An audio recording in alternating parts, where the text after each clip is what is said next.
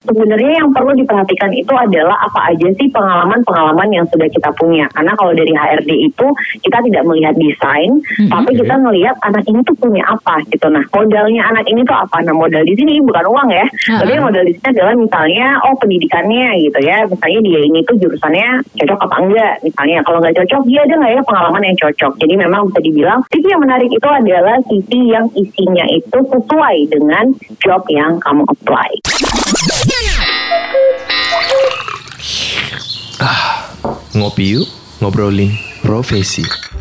Hai teman Del, ketemu lagi nih di podcast Radio Del Fem di segmen Ngopi Yuk, ngobrolin profesi yuk. Balik lagi bareng aku Riri. Dan juga Kirby Jackson Simanjuntak teman Del. Dan kali ini teman Del, kita bakalan ngobrol dengan seorang HR practitioner yang pastinya kan Ri ya. Dan yes. ini kita bakalan ngobrol bareng dengan Kadio Anamia. Nah, jadi untuk kamu yang mungkin fresh graduated hmm. atau juga mungkin kamu kayak lagi cari-cari kerja. Cari-cari kerja atau enggak mungkin hmm. Ri kan termakan mitos yang katanya kalau disebarin banyak lamaran, lamaran. peluang kerja eh, peluang masuk kerja maksudnya makin banyak katanya itu mitos gitu ya, nah, ya sih? itu mungkin uh, apalah ya harus ada studi case-nya kali ya. Case Jadi uh, kita di sini mau ngajakin kamu ngobrol ya hmm. sedikit konsultasi lah dan juga sedikit lebih jauh mengenal profesi seorang HR itu kayak gimana. Jadi buat kamu udah pada penasaran yuk kita langsung aja ya sapa Kak Dio Anamia udah tersambung via line interaktif. Hai, selamat sore Kak. Selamat sore Kak Dio. Selamat sore semuanya. Hai, Hai apa kabar Kak? Dio.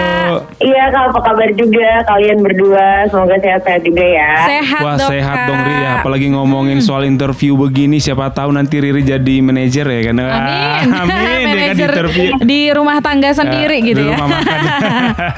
uh, Kak Dio, ini kita uh, pengen kasih saran atau tips gitu ya hmm. kak sebagai seorang HR siapa tahu ya hmm. kan ada mungkin yang kayak udah masukin lamaran Ternyata tapi diterima. kok nggak dipanggil panggil sih gitu jadi dari kakak sendiri sebagai seorang HR practitioner gitu kak sebenarnya CV yang gimana sih yang menarik hati seorang HR waduh gimana waduh. tuh oke mungkin ini kalau udah bisa jawab ya uh, ini sebenarnya adalah pertanyaan yang aku tuh mungkin udah ber, nggak bilang berjuta kali juga sih tapi wow berkali-kali gitu ya ditanyain uh -huh. dari keluarga aku, dari teman-teman atau misalnya dari junior gitu ya, atau mungkin stranger yang tahu-tahu kenalan terus bilang oh HR CV yang menarik itu gimana gitu. Uh -huh. Nah sebenarnya kalau aku bisa bilang gitu ya, CV yang menarik itu bukan desainnya tapi isinya.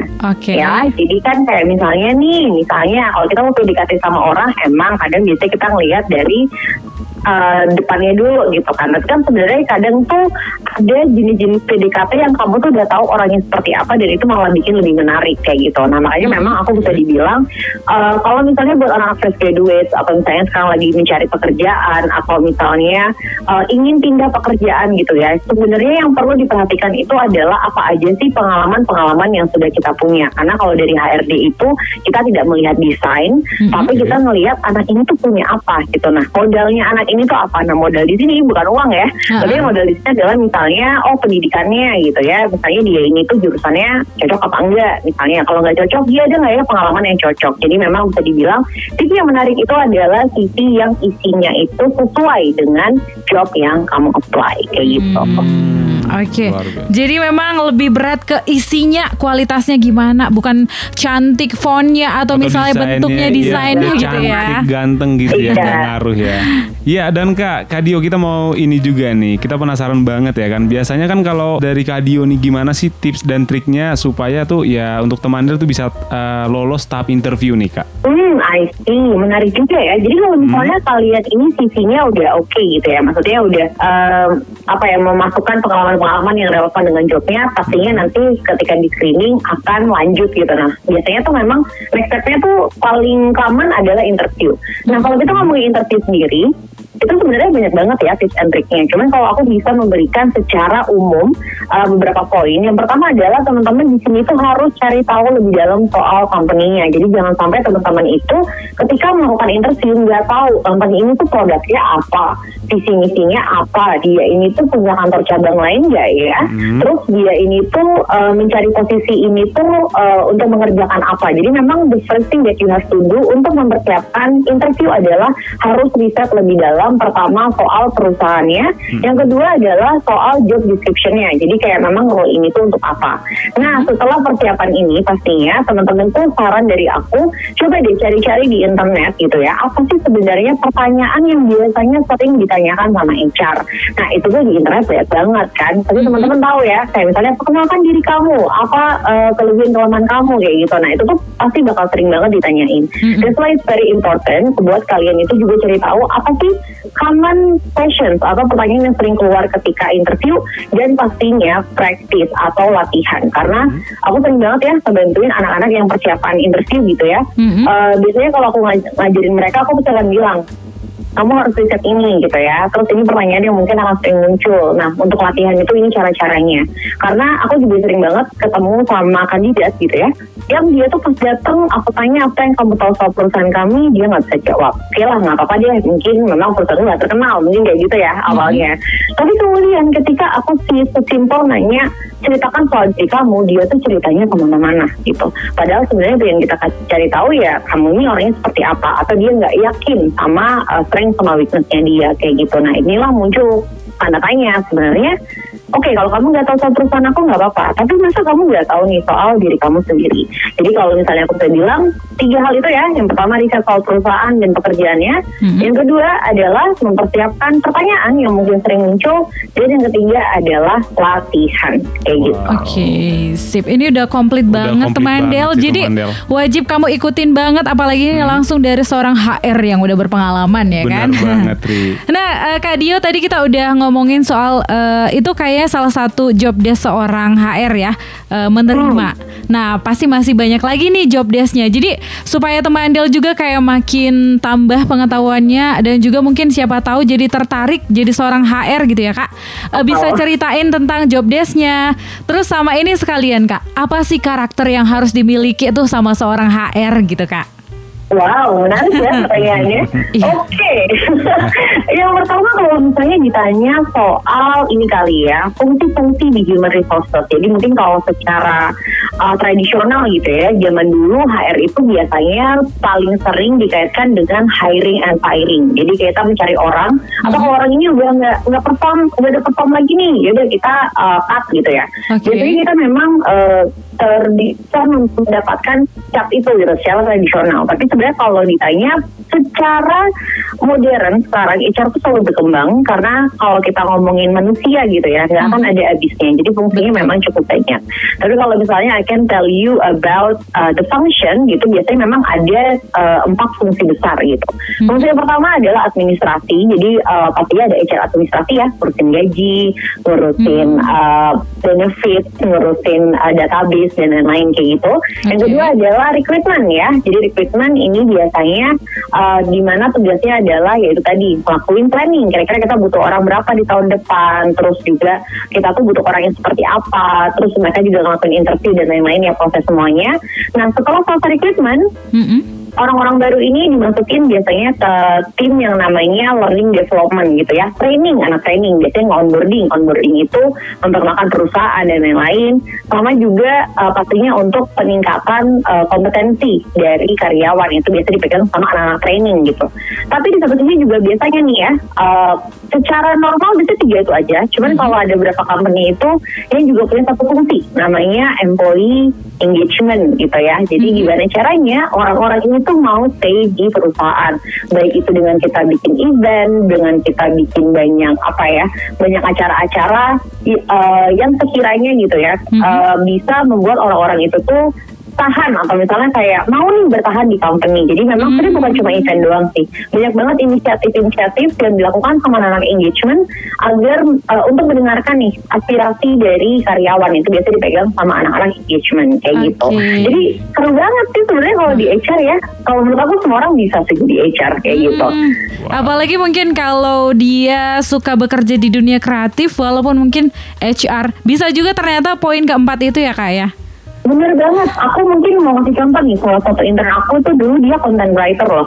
Jadi dia tuh suka banget bikin konten, tapi dia memang tertarik di HR gitu. Hmm. Jadi dia pas dateng itu aku taruh tempat di mana dia ini karena dulu penulis ya, aku suruh dia tuh banyakin pertama ngelakuin interview karena dia sudah terbiasa kan ngobrol sama orang ya kan? Yang kedua mendengarkan aspirasi uh, karyawan kayak gitu. Atau misalnya bantu-bantu juga untuk misalnya uh, membuat caption-caption gitu ya yang nanti bisa kita uh, kasih untuk event-event kayak gitu yang uh, internal event kayak gitu. Jadi memang sebenarnya I think everyone can be HR tadi juga ada pertanyaan uh, harus seperti apa sih HR yang ideal gitu ya? Well mm-hmm. sebenarnya if you want to take care of people gitu ya I think you you will be good to be an HR kayak gitu sih. Oke okay, wow. berarti memang uh, kayak dari segi hospitality-nya terus juga memahami hmm. orang itu juga harus tinggi ya kak ya?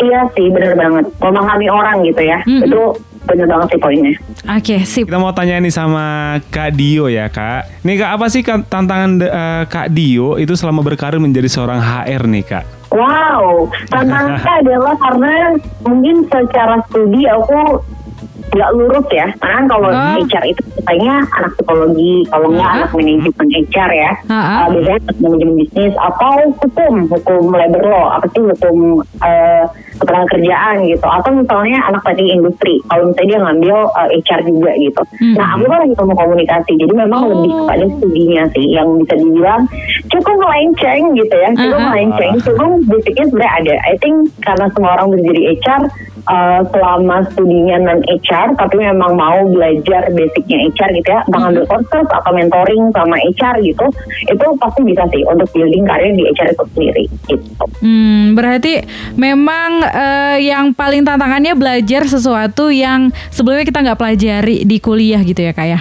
Bener banget, bener banget. Terus kayak uh, memahamin orang gitu kak, atau mungkin kayak uh, tadi aku jadi teringat kan ada poin tadi kayak gimana buat orang jadi betah. Malahan kayaknya ada perusahaan yang kayak HR-nya tuh gimana supaya ini nggak betah karena aku punya calon lain kayak gitu. nah, waduh, itu pertanyaan ya. iya makanya kak, aku jadi teringat sama yang HR yang itu loh. Ternyata di hmm. sana ada yang kayak gitu gitu kan. Kalau dari kakak sendiri, apakah misalnya kayak mendekati orang itu jadi tantangan atau misalnya gimana trik and tips kakak mendekati orang gitu atau buat nyaman gitu lah ya buat nyaman hmm. gitu kak. Oke, okay. ini milik banget ya karena ini kita kejadiannya kayak ini nih kayak aku tuh disuruh bikin study case ya menjadi betul, ya. betul betul. Contohnya langsung ya kak. iya, jadi ini sih sebenarnya kalau menurut aku uh, teman-teman tuh harus tahu bahwa fungsi HR itu sebenarnya harus netral ya. Memang idealnya netral uh, karena gini HR itu tuh di tengah-tengah antara uh, dua stakeholder atau dua pemangku kebijakan. Pertama pastinya dari perusahaan, yang kedua adalah karyawan gitu kan. Mm-hmm. Nah, jadi ini yang harus diingat dulu nih. Jadi memang sebaiknya kalau memang teman-teman mau jadi HR gitu, kalian harus tahu bahwa posisi kalian itu di tengah-tengah. Mm-hmm. Kalian tidak bisa pro ke perusahaan aja, kalian juga tidak bisa pro hanya ke karyawan saja kayak gitu. Karena memang fungsi kalian adalah gimana caranya dua kubu ini tuh bisa jalan di tengah bersama gitu ya. Walaupun okay. memang itu well, itu challenge banget gitu kan. Mm-hmm. Karena pastinya uh, dari perusahaan itu membutuhkan karyawan dan karyawan juga membutuhkan perusahaan gitu membutuhkannya di sini bukan hanya tentang material ya, mm-hmm. tapi tentang uh, kita kan mau belajar juga, kita pastinya juga uh, nggak uh, mau dong maksudnya kayak di rumah leyeh-leyeh doang gitu mm-hmm, kan, kayak gitu loh. Jadi maksudnya uh, adalah timbal baliknya. Nah, menurut mm-hmm. aku juga perusahaan yang baik itu adalah perusahaan yang melihat gitu ya, melihat karyawannya bukan sebagai komoditas, tapi memang ya kita tuh ada partner, kita berjalan bareng-bareng nih kayak mm-hmm. gitu. Nah, makanya kenapa kalau aku pilih perusahaan biasanya aku ngeliat dari situ. Gimana sih sebenarnya perusahaan itu melihat karyawannya? Biar apa biar kerjaan tuh nggak terlalu susah gitu ya. Hmm. Jadi biar nggak terus satu sama bener, lain bener. kayak gitu. Nah sebenarnya ini sih kalau menurut aku sendiri sebagai HR gimana caranya bikin orang betah itu adalah dengan sering ngomong sama mereka. Mm-hmm. Aku adalah tipe HR yang dari dulu itu nggak pernah megang uh, hubungan antara karyawan dan perusahaan. Biasanya aku HR-nya lebih ke strategis, okay. main data gitu ya, oh. bikin strategi kayak gitu, bikin inisiatif yang mungkin bisa dibilang aku nggak harus ngobrol banyak sama orang. Mm-hmm. Baru pas aku pas sekarang yang di Zen Room ini, bos aku bilang your main job description adalah ngobrol sama orang dan cari tahu apa aspirasinya mereka. Wah itu hmm. susah banget sih awal-awal. Okay. Kayaknya ingin nangis, kayaknya dulu mendengarin orang tuh cerita banyak banget dan aku nggak terbiasa sama itu. Jadi oh. aku tuh Wah. ya mungkin tiga tahun awal aku di HR aku kan nggak pernah megang manusianya ya, hmm. lebih ke strategi gitu kan main data, megang datanya gitu. Okay. Untuk bisa punya empati tuh ada susah sebenarnya kalau menurut aku pada saat awal karena biasanya mainnya data gitu kan. Hmm. Oh ini kalau kayak gini datanya ada nggak kayak gitu. Karena kan nggak bisa. I have to listen to them gitu. Yes. Nah jadi sebenarnya uh, aku bisa melihat karyawan itu tuh kerjanya sudah banyak ya mm-hmm. dan ribet gitu ya. Jadi memang uh, salah satu yang aku hal yang aku selalu bilang ke diriku adalah gimana caranya agar aku bisa membuat mereka tuh pekerjaannya lebih mudah gitu ya. Tidak memikirkan hal-hal kecil yang bisa mengganggu performanya mereka. Jadi memang ini yang ngebantu aku juga sih sebenarnya untuk bisa lebih punya empati mendengarkan mm-hmm. mereka dan pastinya nggak cuma didengerin. Kalau memang ada beberapa hal yang bisa untuk dijadikan inisiatif atau misalnya dikasih tahu nih ke perusahaan atau misalnya ya perusahaan ini maksudnya ke bos besar ini mm-hmm. ya kita harus kasih tahu dan emang di di company aku gitu kita jujur ya kita itu setiap mm-hmm. hari ke 45 jadi kalau anak baru itu sampai uh, selama dia tiga bulan dia tuh akan tiga kali ketemu HR untuk oh, ngobrol. Oke. Okay. Nah nanti setelah itu biasanya tiap dua sampai tiga bulan kita pasti akan ngecekin semua orang di uh, tim uh, uh, apa sih mereka dan lain-lain. Uh, apa yang ada nggak sih masalah yang mereka punya dan lain-lain kayak gitu sih. Wow. Jadi memang uh, aku bisa dibilang if you wanna be a good HR then you have to listen apa pun yang terjadi. Dan setelah listen kira-kira apa sih yang bisa kita lakukan sebagai HR untuk mempermudah gitu ya hari-harinya karyawan. Wow. wow kok aku jadi tertarik jadi HR ya. Kenapa kamu emang jadi HR itu? Iya, iya. Karena aku seneng dengerin cerita orang dan juga kayak uh, memahami, ingin hmm. memahami gitu kan. Memotiva memotivasi yeah. juga ya Ria. Wah. So ya kayak gitu kayak mm,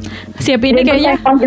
Kak kalau kalau ada lowongan HR kasih tahu ya Kak Olga. Yeay, Riri langsung aja ya. Iya. Aduh jadi interview kerja nih. oh ya. Thank you banget Kak. Tapi masih ada Kak Dio, ini kita penasaran banget nih Kak. Ini kan uh, pengalaman yeah. kerja Kakak udah lumayan lama nih ya. Bahkan udah ba, udah sampai ini ya Kak ya. Udah sampai sukses sampai hi, apa hiring 30 pekerja nih Kak kayak wilayah oh, Indonesia. Sekarang udah ada seratusan lebih sih sebenarnya. Seratusan ya. lebih kak ya, wow iya. banyak banget tuh kak. Nah dan ini kita mau kita penasaran nih kak bisa diceritain gak sih kayak pengalaman menarik lainnya nih kak selama uh, pengalaman kerja kakak nih? Hmm, oke. Okay. Yang menarik apa ya? Mungkin ini sih. Ini yang aku alasan kenapa aku stay di company yang sekarang. Aku tuh udah tahun kedua, atau tahun ketiga sekarang. Jadi aku udah dua tahun, hmm. dua tahun dua bulan lah ya di sini. Jadi uh, bos-bos aku tuh semua ekspat. Gimana kak? Jadi ada semuanya ekspat. Ada yang dari Spanyol. Oh, wow. oke. Okay. Ada yang dari mana-mana deh pokoknya. Aduh, all over wow. the world lah intinya gitu kan. Mm -hmm. Nah di mana kita kan hiringnya buat orang Filipina atau Indonesia kan. Hmm. Dan aku dulu pernah setahun sebenarnya di Filipina, jadi memang aku ngebantuin hiring Filipina juga karena okay. itu. Jadi aku tuh somehow ketika interview, mostly sama orang Indonesia sih. Hmm. Ketika aku bilang, eh bos kamu tuh nanti expat gitu kan, itu banyak banget yang udah takut duluan. Okay. Wow. Kayak seakan-akan kalau kerja sama expat tuh bakal lebih susah dibanding kerja sama orang Indonesia kayak gitu. Okay. Padahal sebenarnya sama aja gitu kan. Jadi memang aku bisa bilang ini enggak uh, ini mungkin bisa dibilang tuh juga empowerment lah ya buat teman-teman yang denger juga bahwa sebenarnya di era sekarang kamu tuh nggak bisa tahu loh bahwa uh, di sebuah kantor ketika kamu kerja gitu ya mm-hmm. mungkin bos kamu orang Indonesia tapi bisa aja klien kamu vendor kamu mm-hmm. ataupun stakeholder lainnya itu adalah non Indonesian kayak mm-hmm. gitu dan menurut aku jangan pernah minder gitu kalau okay. misalnya memang sekarang uh, bahasa Inggrisnya B aja gitu ya atau belum terlalu bagus ya itu jadikan kesempatan untuk belajar karena aku juga sering nih banyak banget melihat karyawan yang dulu pas aku interview bahasa Inggrisnya biasa aja tapi karena Hmm. bosnya dia foreigner mau nggak mau harus tiap hari ngomong bahasa Inggris gitu ya Hmm. jadi itu terbiasa karena kan memang kalau kita di bisnis setting tuh kan nggak harus yang grammarnya sebagus itu enggak yang penting kan Iya. kamu bisa Sama-sama tahu bisa gitu ya? Iya, hmm, memberikan ide kayak gitu sih jadi menurut aku ini cukup menarik ya karena Mhm. Eh, dari lebih dari 100 orang yang aku hire ini ketika kalau misalnya ada berapa yang nggak tahu ya kalau misalnya bosnya bakal ekspat tuh mereka pasti kaget banget kayak udah minder duluan padahal menurut aku Hmm. "Hmm, jangan minder malah kamu itu maksudnya bisa masuk saat interview HR dan aku bilang menjelaskan timnya bakal seperti ini artinya aku tertarik sama kamu kayak gitu Hmm. jadi aku tuh pin kamu tertarik untuk lanjut gitu ya di interview sama aku kayak gitu karena biasanya ada beberapa yang tahu-tahu withdrawn gitu ya kayak Hmm. "Oh, jadi dia kalau misalnya bosnya ekspat dan tanpa alasan juga kenapa mau withdrawn kayak gitu.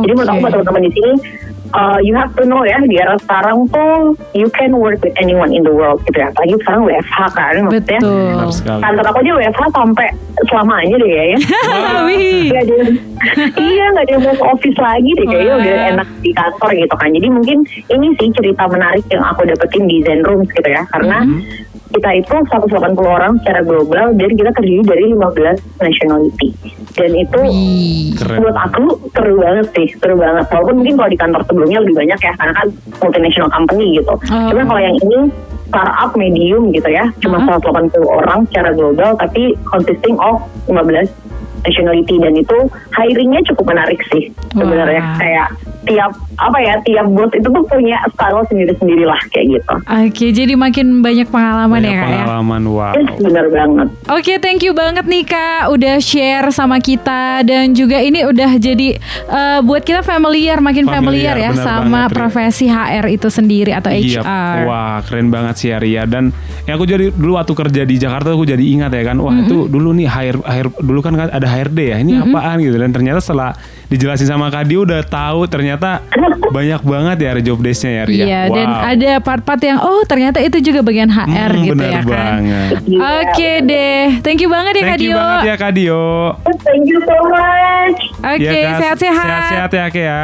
itu Bye. Bye Kak. Nah itu dia teman Del, udah semangat dong ya kan, pengen langsung masuk kerja ya nggak Ciri? Waduh, yang kayak yang SMA lu kayak udah mau lamar kerja aja gitu buat Wah. CV gitu ya. Sabar ya. Benar banget. Pokoknya mudah-mudahan udah nambah ini ya pe- pengetahuannya kamu tentang HR Hmm? atau motivasi kamu mungkin punya keinginan bekerja sebagai seorang HR gitu kan. Bisa banget ya Ria. Bisa banget tuh Mandel. Tapi kalau ini eh, kamu punya rekomendasi lain yang mau kita bahas gitu ya profesinya boleh banget loh kita tungguin. Langsung aja teman Del cerita ke kita di 0811 621 994. Dan sampai ketemu ya di minggu depan dengan obrolan yang lebih kece lagi dengan profesi yang lebih menarik lagi. Aku Riri Manulang. Dan aku Kirby Jackson Simanjuntak. Kita pamit dulu ya, sampai ketemu lain kali. Bye.